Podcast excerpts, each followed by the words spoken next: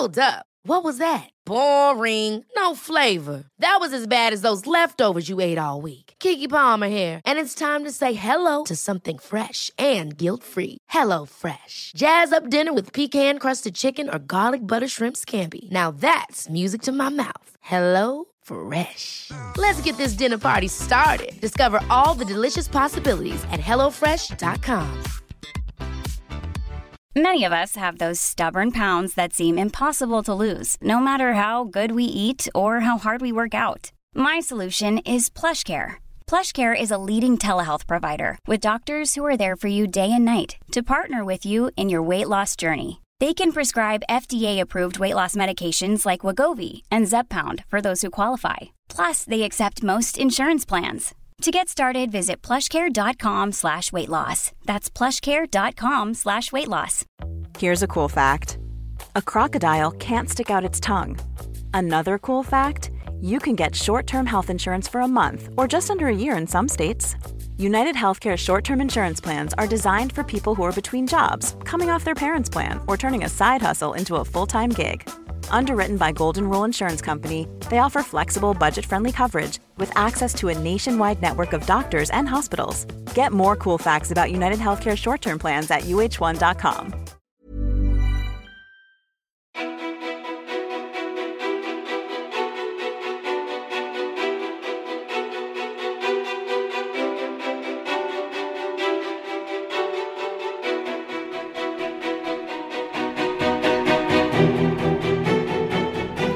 och välkomna till podcasten Ofiltrerat med mig Sofia Peterfia Ståhl och min vän och branschkollega och eh, underbara Anja Forsnor som vi precis insåg du gästade podden för Ja, vi räknade ut att det var typ första rundan 2015.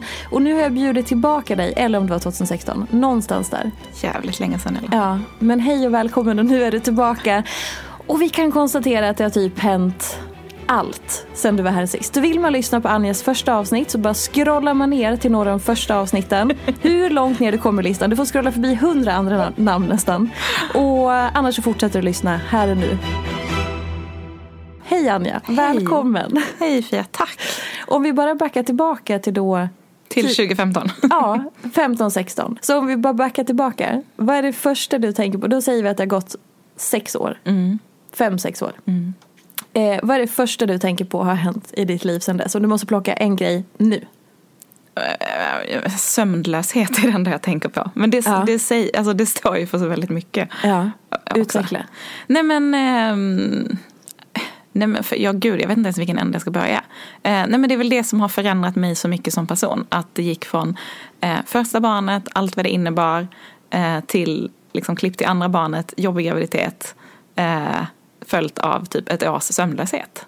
Som gjorde att jag till slut då knäckte mig totalt och blev utmattad. Eh, och det har ju format mig Ja men dels tänker jag så under tiden såklart men också tiden efteråt nu. Och det är väl det som är den största skillnaden i mitt liv kanske idag och för fem år sedan. Hur, om du ska plocka ut, vad är den största liksom, förändringen i hur det har format dig? Nej men alltså den största förändringen och det som jag ändå är tacksam för på något sätt. Eh, tror jag är att jag, jag liksom litar mycket mer på mig själv idag. Och jag har ju insett efter alla timmar av terapi och coachning och liksom samtal med vänner och allting under hela den här perioden. Att jag har ju en jättetydlig magkänsla. Och liksom, jag känner ju direkt om något inte känns bra. Eller ja, känns fel på något sätt. Men jag har liksom lärt mig också under åren att köra över den känslan. Ja. Och lite, ja men så här, jag, jag litar på den och jag vet vad känslan innebär. Men jag är väldigt mån om att prestera och plisa alla andra. Så att eh, liksom min känsla och mitt mående är inte värt lika mycket som vad någon annan tycker om mig eller hur jag presterar gentemot alla andra. Så jag har blivit väldigt duktig på att köra över mig själv. Och det har ju liksom funkat, ehm, funkat ganska bra och funkat ganska länge. Eh, fram tills jag inte hade några reserver alls att ta av. Och jag har nog haft ganska mycket reserver. Jag har alltid kunnat, och nu säger jag inte detta som det är något prestigefyllt liksom, eller duktigt. Men jag har nog kunnat prestera lite över min egen förmåga. ehm, I ganska många avseenden under ganska liksom, lång tid. Um, tills det inte gick med. Alltså tills det inte fanns någonting kvar. När var första gången som du upptäckte det här håller på att gå åt helvete? Alltså jag hade ju googlat um, tecken för utmattning både en och två kanske tre gånger. Mm. Um, och jag tror att jag har varit, så här, i efterhand så har jag nog varit nära den där gränsen ganska många gånger men har liksom ja, men ändå så här lyckats hitta du vet, pauser eller lyckats återhämta mig eller lyckats få de här små mikro liksom, andningshålen som har gjort att jag har kunnat fortsätta. Mm.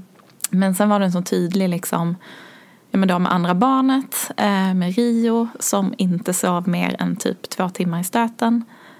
Alltså vi snackar åtta månaders tid och var ju allmänt ja, missnöjd bebis. Konstant missnöjd liksom, om han inte låg klistrad på mig.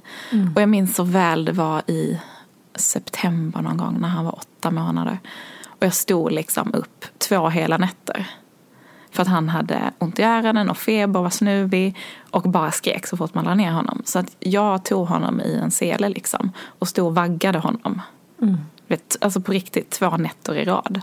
Ja men det är ju helt Och omänskligt. sen så, och visst det finns en pappa med i bilden här men han var ju lite mer så här, äh, lägg ner honom, han får skrika ungefär. Ja. Och um, jag tror mer jag kände så här, bara han är nöjd och bara han får sova. För han kommer bli så missnöjd om inte han får sova. Han kommer inte bli fri från den här förkylningen om inte han får sova. Så att skit i hur jag mår. Det viktigaste är att han får sova. Och efter alltså de här... inte Marcus Nej, inte mannen. Nej, nej, han, han kunde klara sig bäst han ville. Ja.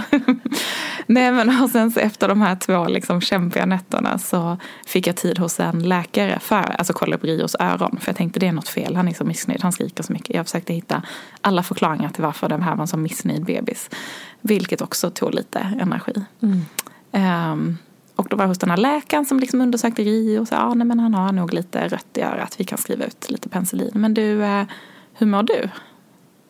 Den frågan vid rätt tillfälle ja. är ju, den kan ju rasera allt. Nej men jag bröt ihop. Ja.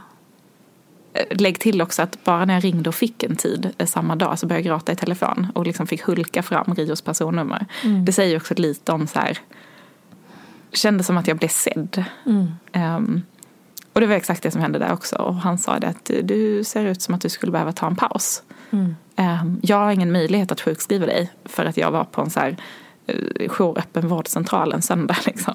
Han bara, men ehm, eh, jag tycker du ska kolla upp det här. Det första du gör imorgon. Liksom. Alltså ändå att han fångade upp dig där och ja. såg. Och han såg oh. kanske att jag var mer än bara så en stressad småbarnsförälder som inte hade fått sova. Att det mm. fanns liksom jag menar att det var en nivå till. Mm. Och sen sa han också, vilket jag inte visste, så sa han att, ehm, för jag sa att jag var egen företagare. Och då sa han att, men då har du rätt att sjukskriva dig själv. Eftersom du är din egen arbetsgivare. Mm. Så du kan sjukskriva dig själv de första sju dagarna. Och sen om en vecka så kan du liksom ta tag i det där. Mm. Och det var faktiskt det som, som gjorde hela skillnaden. Mm.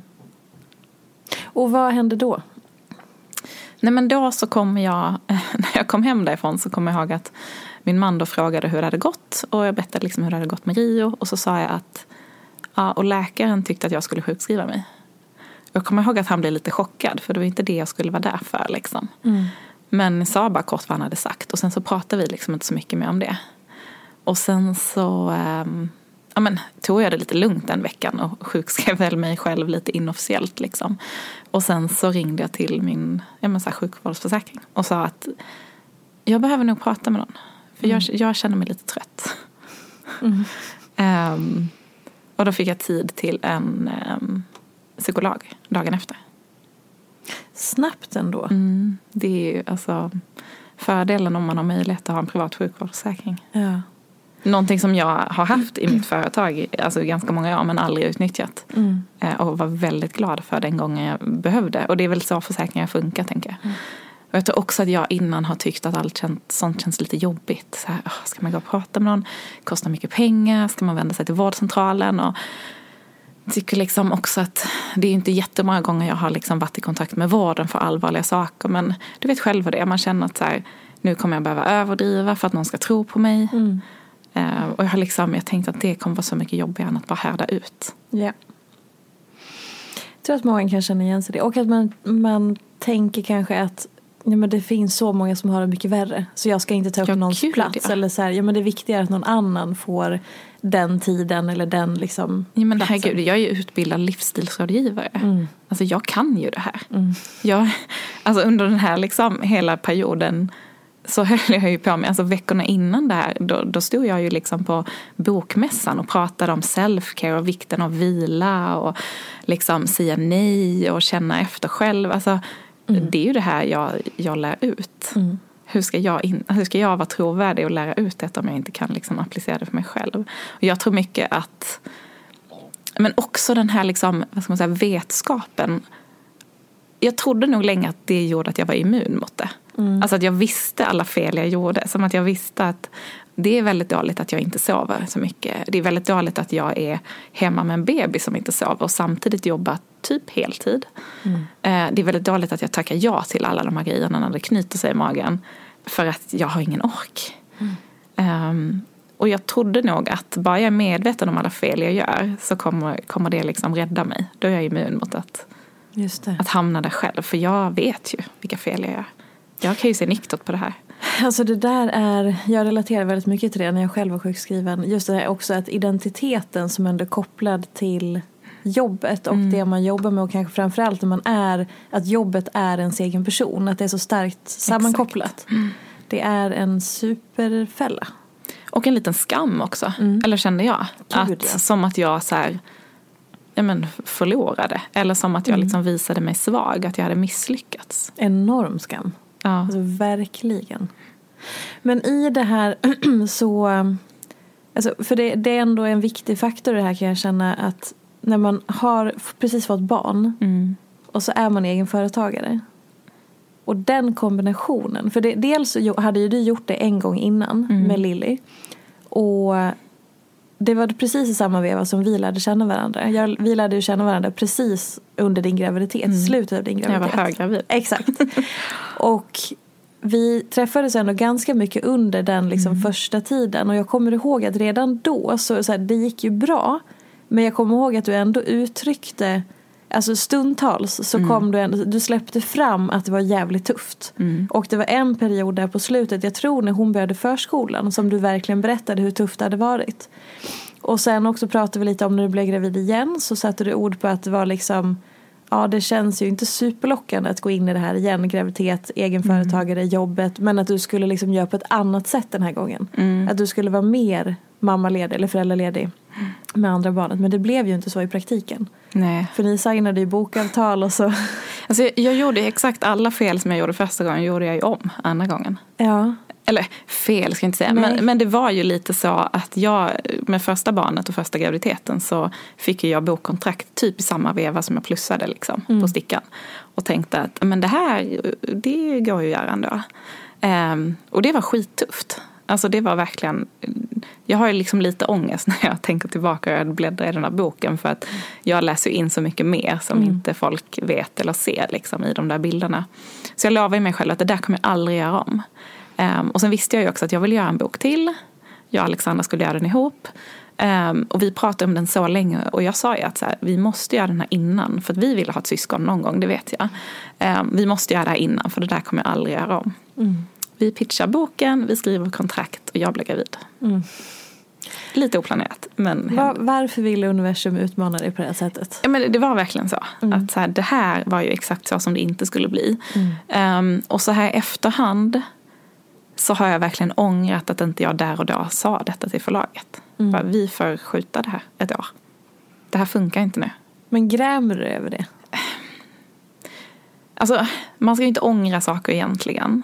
Eh, Och resultatet av boken blev väldigt bra men det blev ju också någonstans startskottet på min utmattning. Ehm, som inte enbart har varit negativ, den hade säkert kommit förr eller senare ändå, tror jag.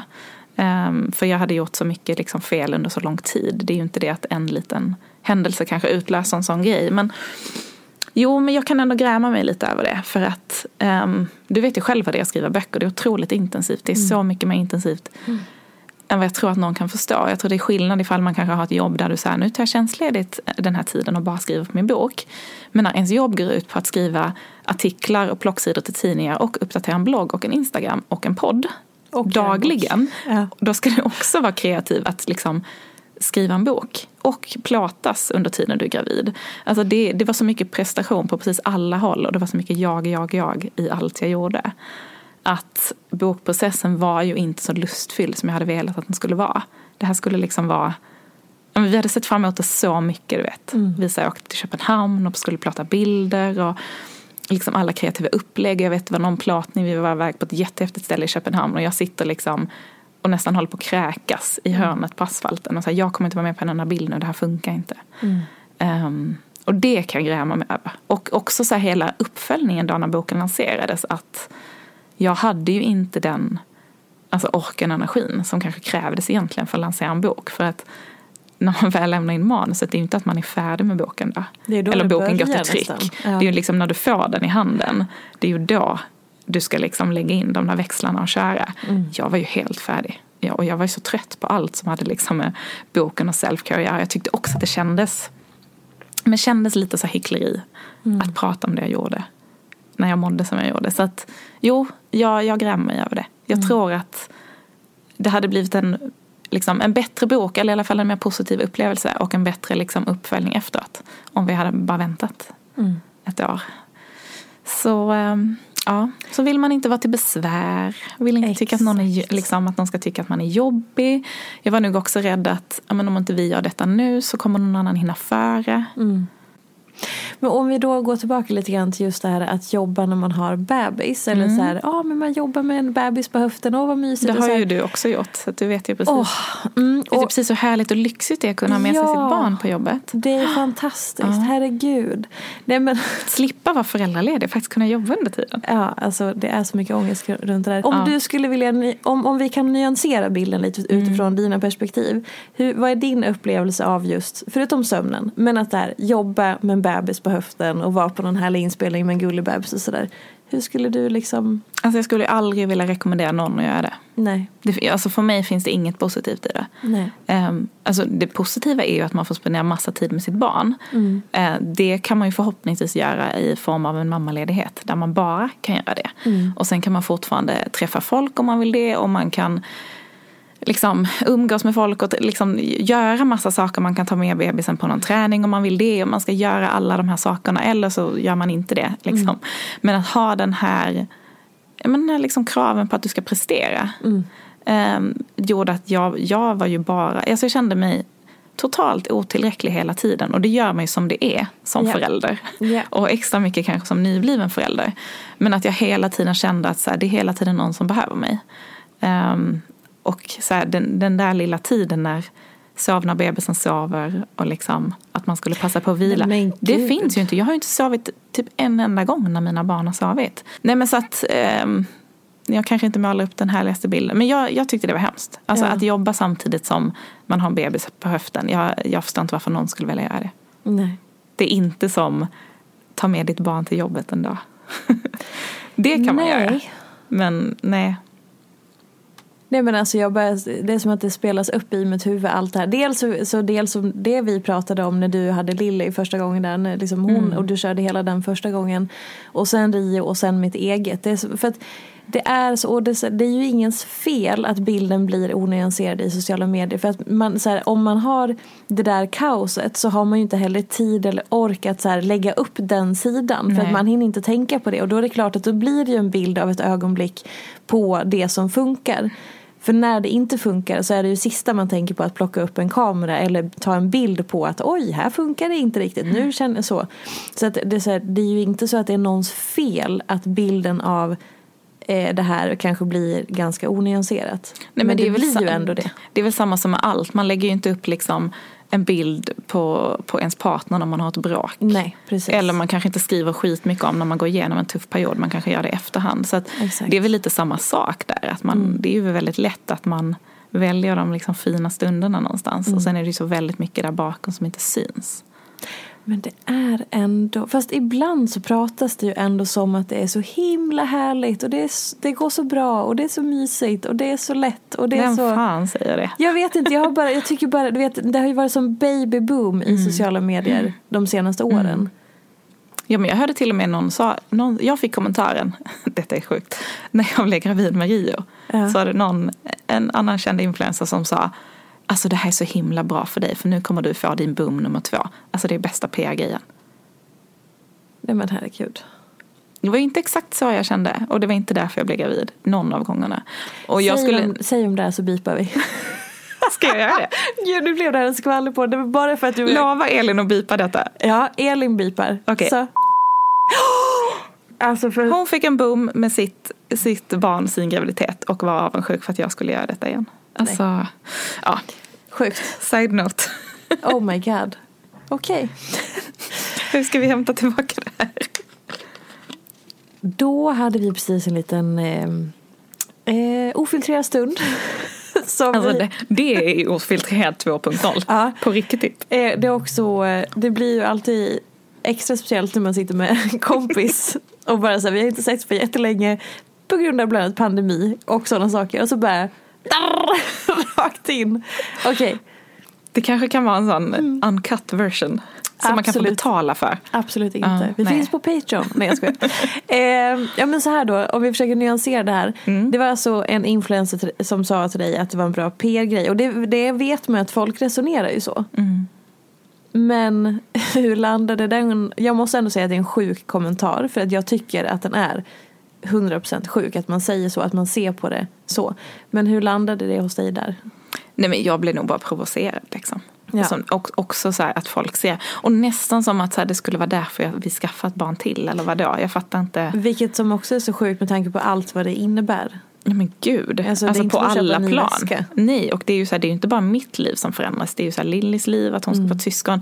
Markus liv, vår relation. Alltså det är så många faktorer. Så att, Mm. att man på något sätt, vadå, att jag väljer att skaffa ett syskon så att jag kan få eh, ett samarbete med Bagaboo. Skulle det vara liksom ändamålet här? Eller att jag får lite mer trafik i min blogg?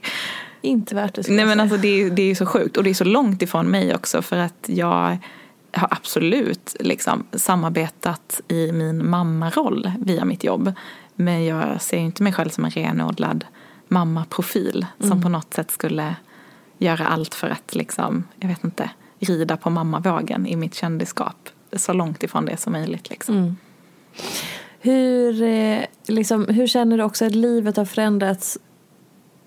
Om man säger så här.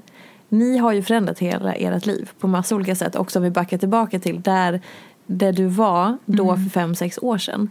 Så gjorde ni också en superstor grej att ni flyttade. Lämnade livet i stan. Stack iväg till bana i Bullerbyn-drömmen. Ja. Hur har hela den grejen varit? Ehm, alltså nödvändig. Ja. 100% nödvändig. För jag tror att det är det som gjorde hela, hela skillnaden. Liksom, vi gjorde ju detta i samband med min sjukskrivning. Men mitt mående och min liksom, stress kom ju inte i samband med min sjukskrivning. Den, den hade ju pågått länge liksom. Och jag tror inte riktigt jag hade jag hade liksom inte identifierat det så tydligt att det var jag som mådde dåligt och hur dåligt jag mådde. Jag försökte hitta alla andra faktorer, du vet. Så här, jag tyckte Markus jobbade för mycket, jag tyckte han jobbade för lite, jag tyckte vår lägenhet var för trång. Jag tyckte, alltså så här, du vet, jag hittade ju alla tänkbara anledningar till att bara vantrivas i vår tillvaro. Ehm, tills jag liksom insåg att vi, vi behöver något annat. Ehm, och jag tyckte att det var så svårt. Jag har liksom, vi båda är ju alltså storstadspersoner. Eller inte från början, det är så svårt att liksom identifiera sig med det. För att nej, det är vi inte från början. Vi är ju liksom från, jag är utanför Malmö, han är utanför Halmstad. Vi är uppväxta i liksom små hålor. Liksom. Eh, men har ju valt Stockholm och storstaden för att vi älskar det. Ehm, och jag har ju alltid sagt att jag, så här, jag vill bo liksom så mitt i stan som man kan göra. Eh, men det har ju förändrats så mycket med åren också. Och livet förändras, ens behov och liksom värderingar förändras. Ehm, till slut så kom vi väl också till en punkt att vi bodde i stan men vi utnyttjar ju inte stan så som vi kanske gjorde innan vi hade barn. Ehm, och jag tror att jag mer om jag kände, det var så himla tydligt också med barn nummer två. Att jag fick lite panik över att de skulle växa upp på Östermalm. När jag själv är från Tygelsjö utanför Malmö. Alltså det kändes så konstigt liksom. Ehm, och då var vi verkligen, eller jag lobbade ju jättemycket för att vi skulle flytta till Skåne. Att vi skulle liksom flytta ner till Malmö eller utanför Malmö. Och ha min familj nära och komma bort från storstan. Och liksom få lite annan, ja, men annan livskvalitet. Så det var ju ändå något som vi jag ska inte säga att vi övervägde det, men jag lobbade väldigt hårt för det. Um, men sen så tror jag ändå att vi, vi insåg att vi har ju alla i Stockholm. Det är ju här vi har vårt, liv och alla våra vänner. Liksom. Mm. Um, så då landade vi att vi skulle flytta ut på Ekerö. Och där hade vi varit, vi hade liksom upptäckt den lilla ön vi bor på nu. Något år tidigare när vi uh, fick låna ett hus en sommar. Och blev helt förälskade. Mm. Och har ju hela tiden haft det lite så i bakhuvudet att tänk om man skulle kunna bo så här. Men det kan vi inte göra, det är så himla långt från stan. Mm. Nej men det funkar inte. Och det är så jobbig pendling. Och det skulle ta så himla lång tid att ta sig hem från en AV. Eller jag vet inte. Men vet, vi har hittat ursäkter hela tiden. Um, sen flyttade några väldigt nära vänner dit. Och när vi var och hälsade på dem första gången, när de precis var nyinflyttade, kanske någon vecka tidigare, så blev vi så förälskade i området de bodde. Mm. Och det var sensommar, alla dörrar stod öppna i området, barn sprang ut och in. Vi var, i, liksom, vi var hemma hos dem i kanske tio minuter innan granntjejen kommer in som är lika gammal som Lilly och frågar om hon vill leka. Mm. Och bara, men gud, kan man bo så här? Kan man ha det så här? Kan detta vara en söndag när man bor i hus? Inte, okej okay, nu ska vi klä på allihopa, vi ska packa vagnen full, vad ska vi göra idag? Vi ska gå till den lekparken, sen ska vi äta någon lunch där, har vi med oss alla grejer? Detta var liksom ett helt annat ett helt annat liv. Mm. Eh, och då säger min kompis att ja, men ni kanske också kan bo så här för att eh, huset mitt emot det kommer snart ut till salu. Hej, det är Ryan Reynolds och jag är här med Keith, co-star of my upcoming film If, only in theaters May 17th. Do you want to tell people the big news? All right, I'll do it. Sign up now and you'll get unlimited for $15 a month in six months of Paramount Plus Essential Plan on us. Mintmobile.com slash switch. Upfront payment of $45 equivalent to $15 per month. Unlimited over 40 gigabytes per month. Face lower speeds. Videos at 480p. Active Mint customers by 531.24 get six months of Paramount Plus Essential Plan. Auto renews after six months. Offer ends May 31st, 2024. Separate Paramount Plus registration required. Terms and conditions apply if rated PG. I'm Sandra, and I'm just the professional your small business was looking for. But you didn't hire me because you didn't use LinkedIn jobs. LinkedIn has professionals you can't find anywhere else, including those who aren't actively looking for a new job but might be open to the perfect role, like me. In a given month, over 70% of LinkedIn users don't visit other leading job sites. So if you're not looking on LinkedIn, you'll miss out on great candidates like Sandra. Start hiring professionals like a professional. Post your free job on linkedin.com/achieve today. Many of us have those stubborn pounds that seem impossible to lose, no matter how good we eat or how hard we work out. My solution is PlushCare. PlushCare is a leading telehealth provider with doctors who are there for you day and night to partner with you in your weight loss journey. They can prescribe FDA-approved weight loss medications like Wagovi and Zepbound for those who qualify. Plus, they accept most insurance plans. To get started, visit plushcare.com slash weight loss. That's plushcare.com slash weight loss. Quality sleep is essential. That's why the Sleep Number Smart Bed is designed for your ever-evolving sleep needs. Need a bed that's firmer or softer on either side? Helps you sleep at a comfortable temperature? Sleep Number Smart Beds let you individualize your comfort so you sleep better together. JD Power ranks Sleep Number number 1 in customer satisfaction with mattresses purchased in-store. And now, save 50% on the Sleep Number limited edition Smart Bed for a limited time. For JD Power 2023 award information, visit jdpower.com/awards. Only at a Sleep Number store or sleepnumber.com. Ja, det är som att det liksom bara Det var någon annan som styrde där. Ja, men jag tror det. Ja. Det låg inte ens ute till försäljning, men det var fotat. Så att vi hittade under så kommande, kommande projekt och jag ringde mäklaren dagen därpå. Jag kommer ihåg när du berättade om det här och hur ja. det var så... Men det var bara så självklart. Ja. Men ja, det här kommer bara ske. Ja, Nej, men det, känd, det kändes rätt av så många anledningar. Mm. Och nu är det ju ett och ett halvt år sedan vi flyttade in, men det känns ju verkligen som att vi har hittat hem. Mm. Jag har typ inte lämnat huset sedan dess. jag är glad att du kunde ta dig hit. det är stort ska du veta. Ja. Nej, men jag tror också, för att liksom knyta an till din fråga lite så här. Det, jag, jag, tror att det gjorde ju att vi fick, eller jag fick, en liksom naturlig paus och distans från allt. Liksom, allt, allt. Så att i samband med min liksom, sjukskrivning och jag inte jobbade på flera månader så flyttade vi också dit. Där det är noll stressorer. Det är, liksom, det är så lugnt och det är knäpptyst. Och på kvällen blir det beckmörkt för det finns inga lampor eller någonting. det, det, var liksom, det var precis det jag behövde. Mm.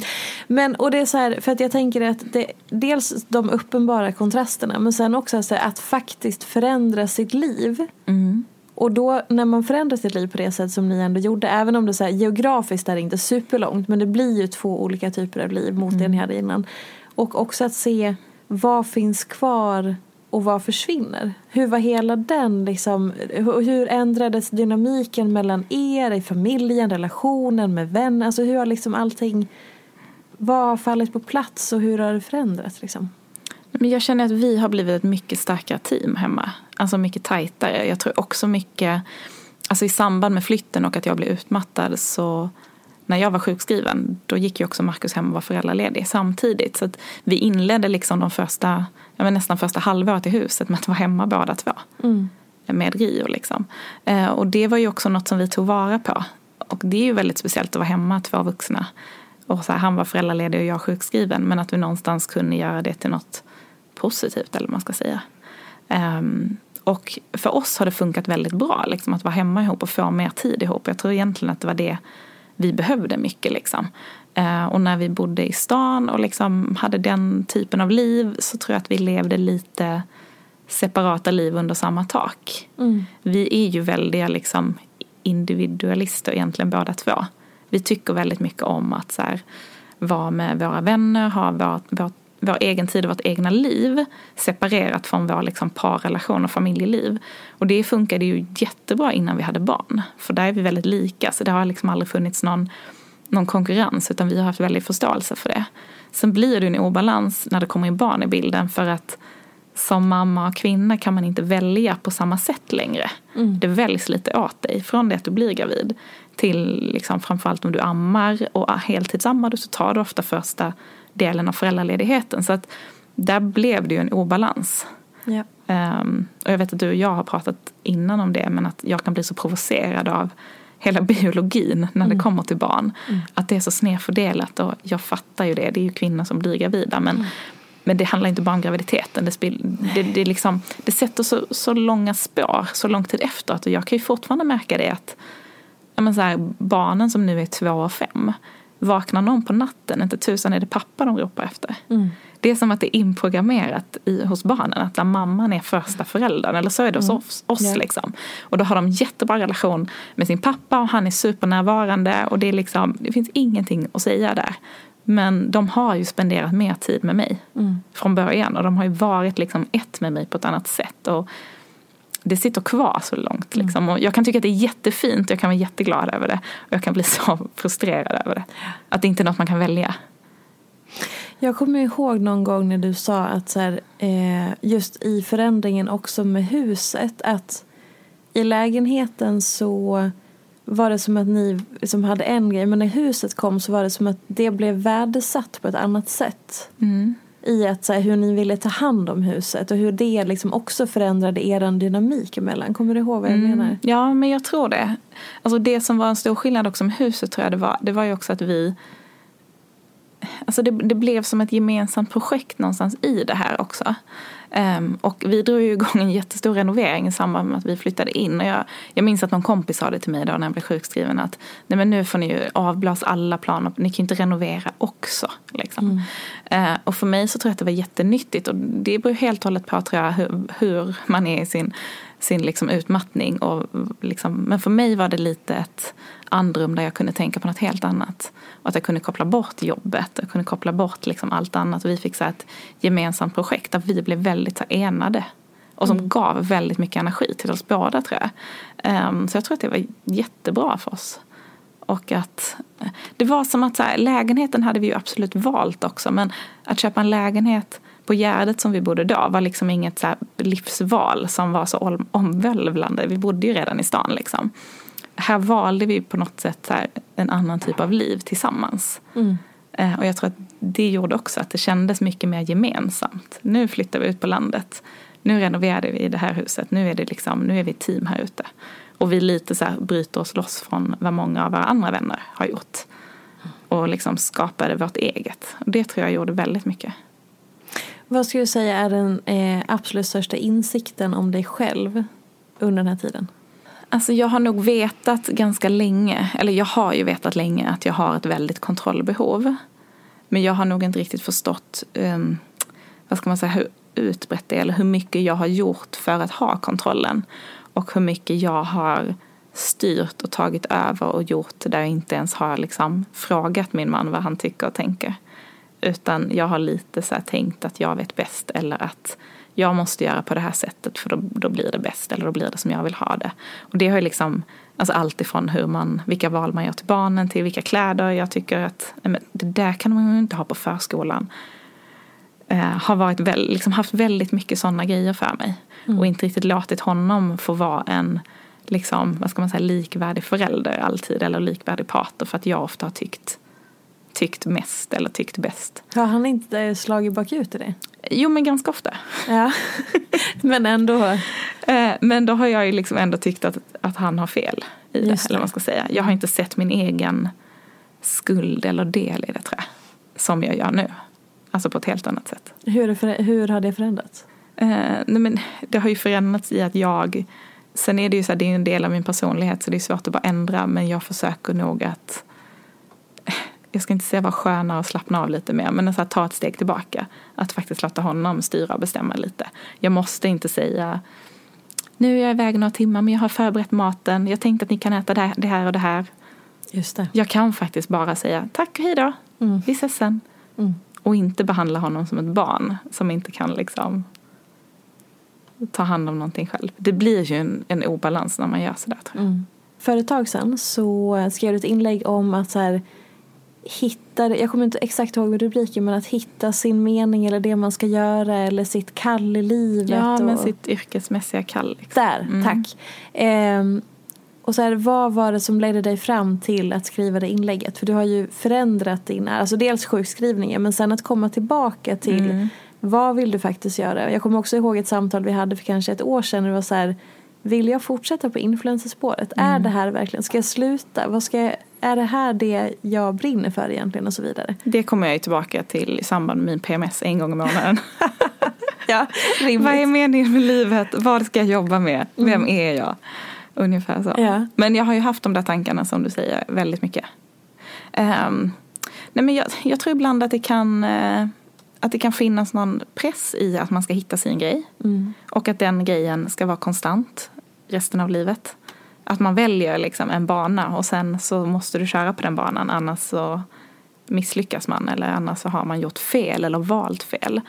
Um, och jag har liksom egentligen inte tänkt så. Jag, jag har liksom aldrig tänkt så här superlångsiktigt när det kommer till jobb. Jag tycker det är ganska skönt att känna så här, jag trivs med detta här och nu.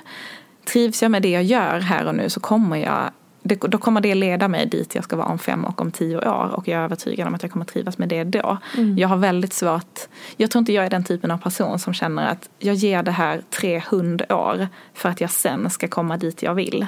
Just det. Jag önskar ibland att jag kanske hade det liksom ja, men den typen av driv eller den typen av inställning att jag verkligen så har ett tydligt mål och jag gör vad som helst för att komma dit. Men jag tror att jag prioriterar mycket mer så här, känslan här och nu och att jag faktiskt men, trivs med det jag gör varje mm. dag helst. Mm. Än att jag ska göra det och få utdelning liksom senare i livet. Mm. Nej, men så jag har väl alltid varit ganska liksom trygg i att inte behöva veta så långt framåt. Men jag, det var ändå någon liten så identitetskris när jag men skulle börja jobba igen efter utmattningen. Och också liksom funderade på, är det det här jag ska fortsätta med? Jag har känt att vissa delar har skavt ett tag innan. Har det skavt på grund av liksom mig och jobbet? Har det skavt på grund av att jag egentligen var utmattad och stressad? Har det skavt för att jag har försökt att kombinera någon slags liksom bebisliv med jobb? Det var ganska länge sedan jag fick vara liksom vara på jobbet var 100% Anja och inte också dela det med liksom någon föräldraledighet eller mammaroll. Så jag har liksom inte riktigt vetat så vad det är vad. Och jag har vad inte var fått det någon... som skavde? Nej men det är det jag inte riktigt vet. Och jag brukar vara ganska bra på att så här, gräva i de där skaven och hitta någonting. Och helt plötsligt så kände jag att jag inte visste vad, vad som var vad. Mm. Och jag tyckte att det var en liten jobbig process att gå igenom samtidigt som ens jobb är så förknippat med en som person. Så att jag kan tänka mig att men, jag har ju varit på arbetsplatser tidigare där jag inte har varit influencer och varit i fokus. Och då kan du liksom ha den processen lite bakom kulisserna. Men ändå göra ett, eh, liksom ett bra jobb. Um, men jag, jag vet inte, det är så otroligt svårt att ge av sig själv varje dag. Och brottas med en massa sa- liksom, tankar som om att man kanske inte ska vara där man är. Eh, och till slut kände jag väl bara att jag måste ventilera det. Jag kan liksom inte hålla det inom mig. Det är lite som att försöka blogga som vanligt när man eh, är gravid. Och ska försöka skriva att man mår bra fast man ligger och kräks. Eller jag tänker som du som gick igenom liksom en skilsmässa, en separation. Och, Eller som jag, vi har också haft tuffa perioder. Att man på något sätt ska låtsas som allt, allt är bra i bloggen. När man går igenom saker. Som, det är det enda som upptar ens, ens tankar. Men man får inte skriva om det och då helt plötsligt kan man inte skriva någonting. Ja, det är det som att det blir liksom en total blockad. Som att säga, jag kommer inte på någonting att skriva om för det enda jag tänker på är det här. Och allt jag skriver känns så himla falskt. Blir Även om jag skriver om en smoothie så känns det inte genuint för att jag är inte där, jag är någon annanstans. Så till slut kände jag nog att jag var bara tvungen att dela med mig av det. Och också så här, ja men öppna upp, för det var ju det läsarna gjorde.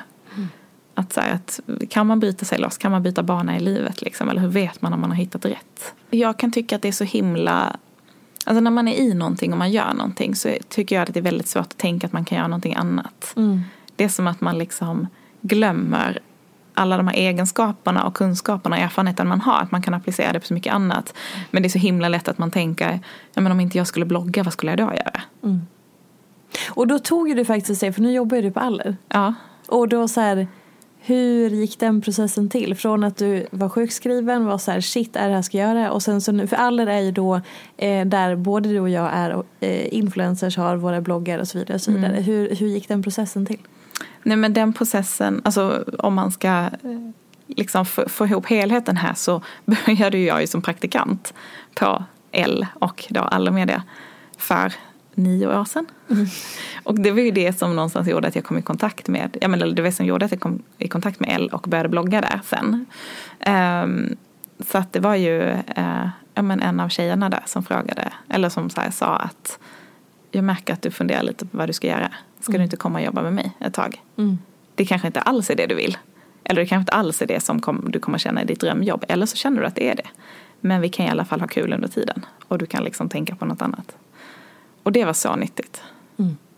Ehm, och också, ibland så tror jag också att jag, jag tror ju lite på de där grejerna. Inte kanske på liksom affirmations nivå. Men att faktiskt våga säga vissa saker. För att det är så himla lätt att man sitter hemma själv och så kanske man ventilerar med sin partner eller en och två kompisar att jag kanske är sugen på något annat eller jag kanske är sugen på, på något nytt jobb eller kanske är sugen på det här och det här och sen vågar man inte säga det riktigt. Och så kanske det sitter folk på andra änden och säger att gud, hade, den här tjänsten hade Anja varit grym för men ah, hon har ju sitt jobb så att det är inte ens lönt att vi frågar henne. Hon verkar så himla nöjd och glad. Exakt. Och inte vill hon göra det här. Eh, jag tänker att lika väl som, ja men du vet själv man sitter och pratar om folk, man pratar om projekt, man pratar om saker man skulle vilja göra. Så sitter ju garanterat folk på andra sidan och pratar om Ja. en, även om det är så konstigt att tänka sig att någon skulle prata om en. Så gör ju folk det. Eh, och kanske tänker att man skulle vara bra i något sammanhang. Men frågan har liksom aldrig riktigt fram. Och jag tror ibland så måste man liksom sända ut de där signalerna. Verkligen, 100 procent. Att man liksom är, letar efter något eller är tillgänglig. Då kan det ju vara att de där grejerna ramlar, ramlar över en. Liksom. Våga ta för sig lite Ja. också. Alltså på alla, och det kan ju vara i sätt som att man eh, liksom hör av sig till folk. Och säger att jag hade tyckt det var skitkul att göra det här. Eh, hade ni liksom velat hitta någon, någon samarbetsmöjlighet här? Eller jag hade jättegärna velat jobba med er. Eller kan inte jag få konsulta för er ett tag? Och, Alltså att man vågar göra de där grejerna. Eller fråga någon som jobbar med det man vill göra. Eller, eller så. Och ibland så kanske man inte vet, som jag nu, visste ju inte riktigt exakt vad, vad jag ville. Men då var det som att det kom liksom, ramlade ner lite på mig. Var det självklart att säga ja då? Ehm, alltså självklart, ja, men jag, jag kände ju direkt att det var liksom lockande och kul. Ehm, och sen så hade jag en annan dialog igång samtidigt. Ehm, men som inte riktigt var liksom good to go nu. Vad var Så- det då? Ehm, ja men det är lite mer åt inredningshållet. Aha! Ja. Som också är en liten sån här, jag ska inte säga dröm, men ett stort intresse som jag har varit sugen på att, att gå åt. Och jag kan ju känna att, alltså när jag började blogga för sju år sedan så, ja det kan väl du känna igen som ändå heter PT Fia. Att du hade, du hade en väldigt tydlig inriktning när du, när du började blogga. Ja. Jag hade ju också det. Det var väldigt mycket hälso och träningsfokus. Det var Ja. väldigt mycket liksom recept och smoothies och nyttiga, nyttiga recept. Och Mm. Mitt liv har ju förändrats på sju år. Mhm. Då var jag ju liksom, jag hade inga barn, jag levde ett mycket enklare liv. Jag kunde träna och jag kunde, liksom, eller träna gör jag fortfarande, men jag kunde träna på ett annat sätt. Och jag kunde stå liksom, en hel helg i köket med typ mina kompisar och bara så här, nu testar vi experimentera fram ett nytt recept på chokladbollar. Det var liksom mitt största intresse och det var så naturligt att skriva om det. Och det fanns ju en hälsoboom för sju år sedan också som det inte riktigt finns idag. För att idag är hälsa, tycker jag, lite mer en del av vårt liv. På ett lite mer balanserat sätt, eller för väldigt många. Och därför så känner jag att, här, att prata om hälsa känns lite gjort kanske. Eller för mig i alla fall. Jag säger inte att det är det, men jag, det är inte där jag hämtar min största inspiration idag. Så viktigt att våga vara i den förändringen hos sig själv. Ja, men också lite, jo, men läskigt. Ja. Och för att jag tänker att det är så många som förknippar mig med det. Och jag kan Ja. ibland bli så när folk hör av sig till mig för att de vill ha ett samarbete utifrån den profil jag hade för liksom sex sju år sedan. Jag känner att det där det är inte det jag vill prata om idag. För mig är det idag en liksom jag gör fortfarande mina gröna smoothies om man vill placera mig i det facket. Jag är jätteintresserad av kosttillskott och jag är jätteintresserad av liksom mat och livsstil och kropp och allting. Men det är, liksom, det är en självklar del av mitt liv. Det är inte mitt intresse längre. Och den skillnaden har nog varit lite svår för mig att hänga med. För att jag har varit så här styrd av andras syn på mig där. Och den här att man ska bli placerad i ett fack liksom. Och vad är jag då om jag inte är hälsoprofilen? Är jag då mammaprofilen? Nej men det vill jag inte heller vara. Och då har jag också fått tips om under åren att men skriv mer om mammaliv. Det vill folk läsa. Men jag är, det är inte liksom... Man måste ju vara där själv. Det är Alltså, en i del av mig. Jag är mamma men jag är inte bara mamma. Och jag vill absolut inte att mina barn ska vara anledningen till att jag har ett jobb. Alltså, jag är inte så, och ännu mer ju äldre de blir så är inte jag så intresserad av att de ska vara en del av liksom, mina kanaler och det jag gör.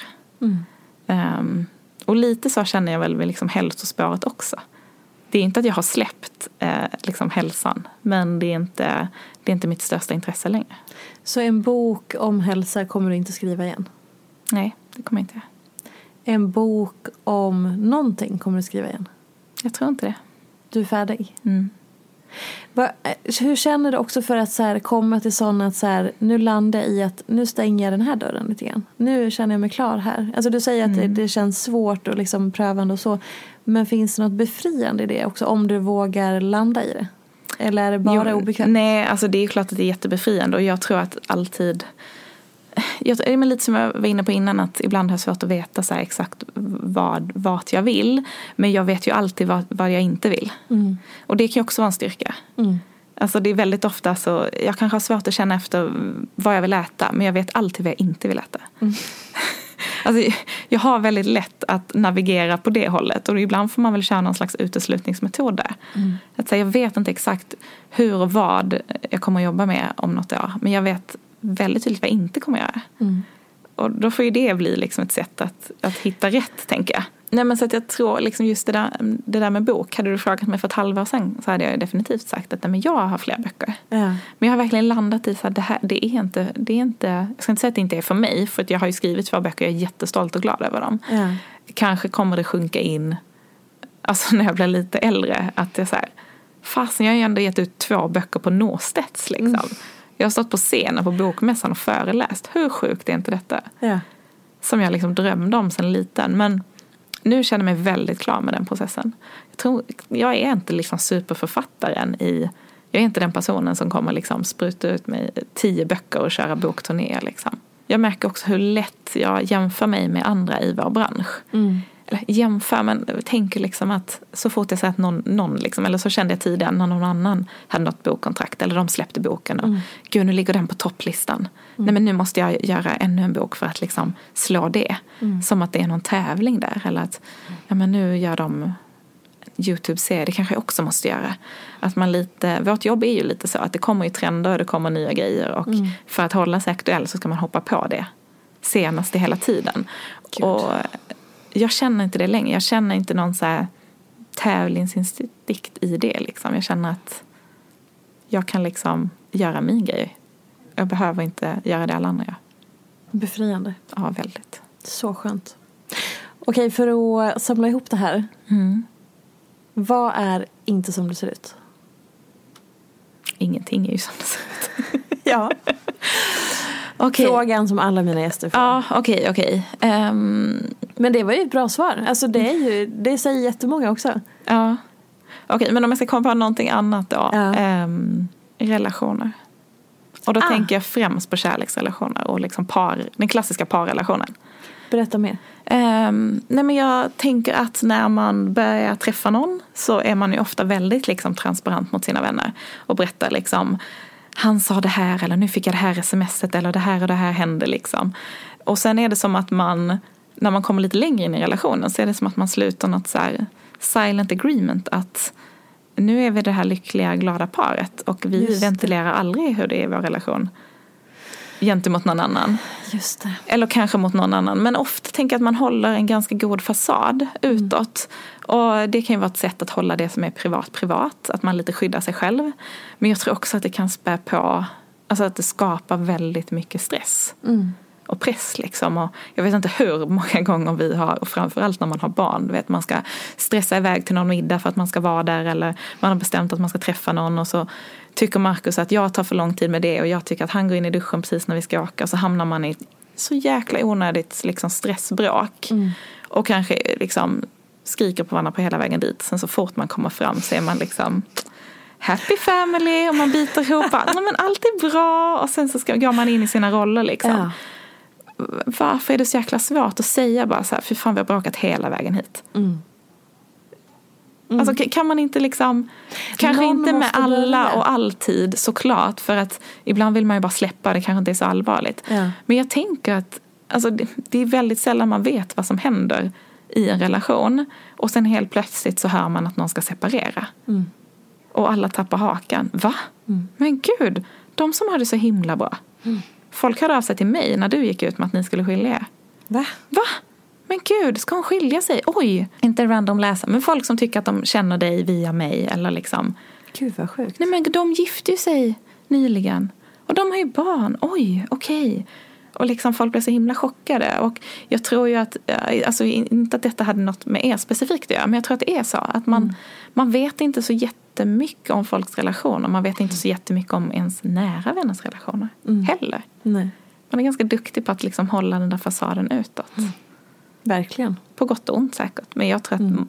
hade tjänat lite mer på att våga visa lite mer. Exakt. Ja, men och man måste ju inte berätta allt man går igenom och vad den ena sa, vad den andra sa. Men att jag tror också att, jag tänker så här, relationer går ju upp och ner så otroligt mycket. Alltså jag är 100% på ditt spår här. Jag Och att det det. är väldigt lätt att man tänker någonstans att så här, allt är bara happy clappy. Man, Ja. så här, man gifter sig, man skaffar barn, man köper hus, man har det jätteunderbart. Och sen tar det slut ändå. Som att så här, det kom över natt. Alltså, det kan ju också vara väldigt mycket upp och ner. Det kan ju vara tufft en period men sen kan det ju bli bättre än vad det var innan det var tufft. Alltså att så här, det, det behöver inte vara liksom en rak linje. Och allt, ingenting är ju svart eller vitt. Nej, det är väl det inte. att så här, för det, det, det återkommer jag, jag, jag tycker att jag tjatar om det hela tiden i olika sammanhang, men just att vi är så onyanserade. Vi tror att det bara finns två sidor eller två, två liksom nyanser. Men så här, vänta nu, man kan vrida och vända på varenda situation, varenda människa, varenda relation, reaktion, situation, allting tusen gånger. Man kan ha så många olika perspektiv på någonting så att det är ingenting som går att säga så här är det, punkt. Nej, men, och det är väl just det du säger nu med perspektiv som man tror man behöver få in alltså på, på alla plan men också i sin parrelation. Att man faktiskt kan ventilera med någon liksom, om det här och det här. För att det är så himla lätt när man är i en relation som säger det är svart eller vitt. Jag tycker detta, han tycker det. Han är dum i huvudet. Vi är så olika. Vi skiter i det här. Men så kanske du får perspektiv från en och två andra. Och så inser man att "Men han är inte helt dum i huvudet, jag är också lite dum i huvudet Ja, ja. vi möts i det här. Eller det är inte hela världen det här. Det är inte Exakt. jätteviktigt egentligen. Eh, jag tror man hade sparat så mycket terapitimmar på att faktiskt bara våga prata. Framförallt när man pratar med vänner som har gått mycket terapi. Då lär man sig mycket. Alltså älskar ju. Älskar för övrigt att gå i terapi. Ja. Bästa beroende. Går du fortfarande hos Silje? Inte nu för ett tag. Nej. Men går hos en annan. Ja, den psykologen som du hade när du var sjukskriven. Nej, en annan. En till! Underbart. Jag ska berätta. Henne klickar jag inte med. Hon jag fick när jag var sjukskriven. Jag klickade med min läkare men inte med psykologen. Ah, det var läkaren jag tänkte på. Ja, läkaren var fantastisk. Mm. Men henne får man bara gå till när man är sjukskriven tydligen. Vad... hur, ska vi, hur ska vi surra ihop det här nu då? Okej, om vi gör så här. Eh, för att samma, sammanfatta allting. Vad önskar du att man tar med sig från det här samtalet? Om man har lyssnat på hela. Eh, jag hoppas man tar med sig att man eh, skickar in ansökan om föräldraledighet den dagen man blir gravid. Nej, nej men att man ehm, ja, men vå- vågar någonstans liksom li- lita på sin magkänsla och agera därefter. Och det, det är så mycket lättare sagt än gjort. Det kan låta så jävla flummigt om man inte liksom har, har gjort det. Men alltså, ofta vet man. Ofta vet man ju så långt innan man vet. För att det är någonting som händer i kroppen. Så här, är det något som inte känns helt hundra? Eller du får lite stresspåslag? Eller det knyter sig lite i magen? Eller det är något som skaver och du vet inte vad det är. Men det är någonting som skaver. Men så här, våga utforska det där skavet. Liksom. Lägg inte locket på. Är det något i relationen? Är det något på jobbet? Är det något med en kompis? Är det något på väg till träningen som gör att du säger fan det känns inte så jävla kul att gå hit nu. Alltså, så här, ta var, embracea skavet. Det är liksom nyckeln till så mycket. Så här, ducka inte för det som känns lite jobbigt och obekvämt utan försök att så här, tänk att det, försöker säga dig någonting. Oerhört bra. Tack så jättemycket. Och eh, Instagram, Anja Forsnor. Anja.l.se om man vill läsa bloggen. Snyggt. Self-care heter boken. Ja. Podden har du lagt ner nu, det var ju Podden har tråkigt. du- ja. Är det någonting annat du vill tipsa om? Ehm, nej, jag känner mig väldigt nöjd där faktiskt. Underbart! Tack så jättemycket för att du kom hit. Tack och själv. eh, vi hoppas att eh, Elin gör sitt bästa med den här skvallerstunden vi hade där mitt i avsnittet. Tusen tack för att ni har lyssnat. Ta hand om er. Vi hörs nästa vecka. Puss och kram! Vi ses inte på stan riktigt än. Hej då! Följ mig gärna i sociala medier. Jag finns på Instagram som peterfia och bloggar på peterfia.se. Jag blir så glad om du vill recensera den här podden, prenumerera och lämna gärna önskemål på gäster. Vi ses i sociala medier. Ha det gott så länge. Hej då! En podd från Allermedia.